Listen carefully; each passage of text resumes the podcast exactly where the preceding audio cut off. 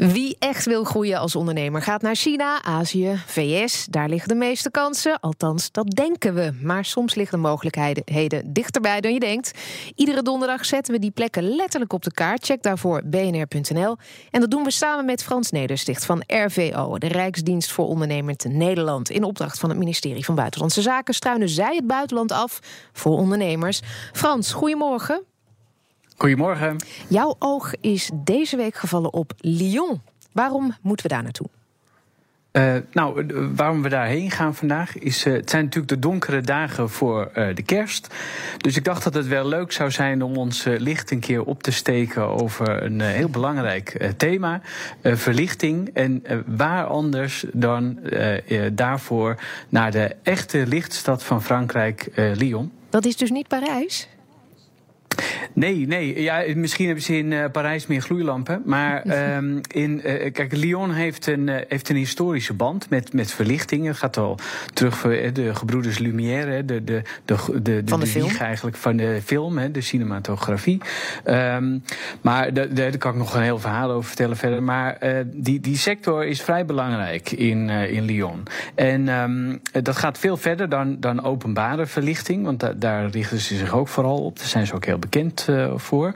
Uh, maar denk ook aan uh, feestverlichting, sfeerverlichting, kantoorverlichting, verlichting om veiligheid te verbeteren en ook lichtshows.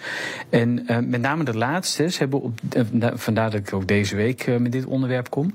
Um, vandaag start in Lyon het Fête de Lumière. En dat is een, een soort openbaar... Het feest van het licht. Feest van het Licht. Ja, het is een openbaar festival. Um, 50, op 50 locaties in de oude binnenstad. En waar, waar uh, bedrijven en ondernemers ook hun, eigenlijk hun waar laten zien, hè, wat ze kunnen. Dus met projectie of met uh, verlichting of met sfeer en dat soort dingen. Dus kerstverlichting hebben we natuurlijk allemaal hangen op, dit moment. En um, dat is een ontzettend mooi, mooi festival, maar dat is ook een beetje een showcase voor, voor creativiteit en innovatie. Hè. Dus waar, waar de Bollenstreek Bloemencorso heeft ja, om te ja. laten zien wat ze kunnen, heeft Lyon dit, dit Fête de Lumière. Maar is het, is het vooral leuk als uh, bron van inspiratie? Inspiratie? Of uh, moet je daar als bedrijf ook echt aan meedoen als je wat voorstelt in deze wereld van het licht?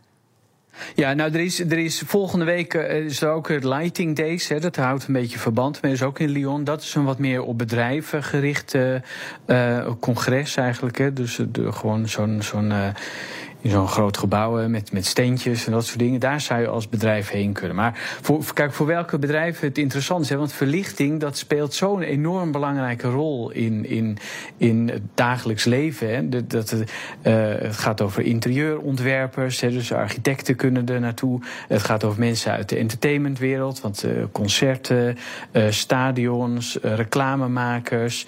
mensen uit de beveiligingsindustrie kunnen in Lyon terecht voor advies over verlichting, of hoe je dan die veiligheidsbeleving beter maakt. Uh, wegbeheerders, lokale overheden, nou, noem maar op. Hè. Iedereen heeft wel iets met licht. Dus het is, uh, het is een vrij belangrijke sector. En in Lyon zitten dan de echte experts ook uh, op dat gebied. Ja. En, en vanuit Nederland? Dus ook, vanuit Nederland, want ik denk nu meteen natuurlijk aan Philips Lighting. Zitten zij er ook? Ja, nogal zelfs. Uh, de Philips heeft daar, dat heet het Outdoor Lighting Application Center.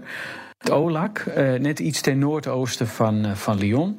En um, in uh, Miribel. En dat is een centrum waar ze eigenlijk met, met mensen praten over verlichting.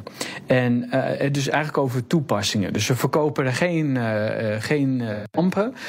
maar je kunt daar dus heen, elke avond van november tot mei.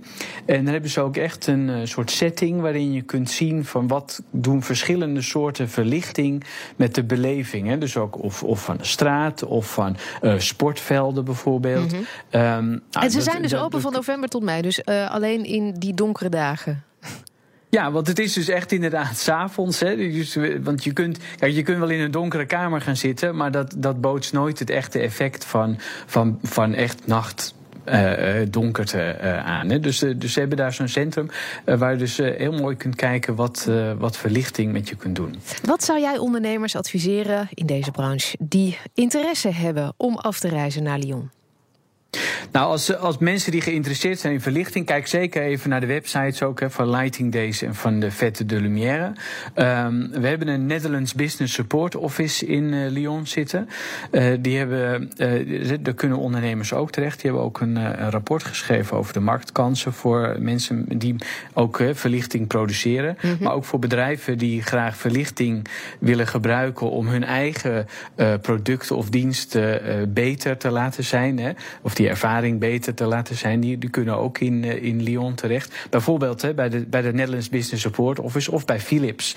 En zo heeft AXO bijvoorbeeld, hè, die is bezig met Philips ook over reflecterende verf voor in gebouwen. Dus dat je energie bespaart. Hè. Dus mm -hmm. dat is een hele innovatieve toepassing van hoe twee bedrijven die ogenschijnlijk wat minder met elkaar te maken hebben, toch met elkaar uh, op, op, de energiebesparing zouden ja, kunnen ja. zitten. Het wordt ook al toegepast op de weg, hè? als uh, wegmarkering, lichtgevende verf. Maar dat terzijde. Ja, uh, Frans, heel kort nog even. Uh, waar laat jij volgende week je licht op schijnen?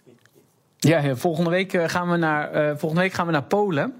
En dan gaan we bloemen verkopen. Oké. Okay. In Polen. Een bloemetje volgende week. Dankjewel voor nu, Frans Nedersticht van de RVO.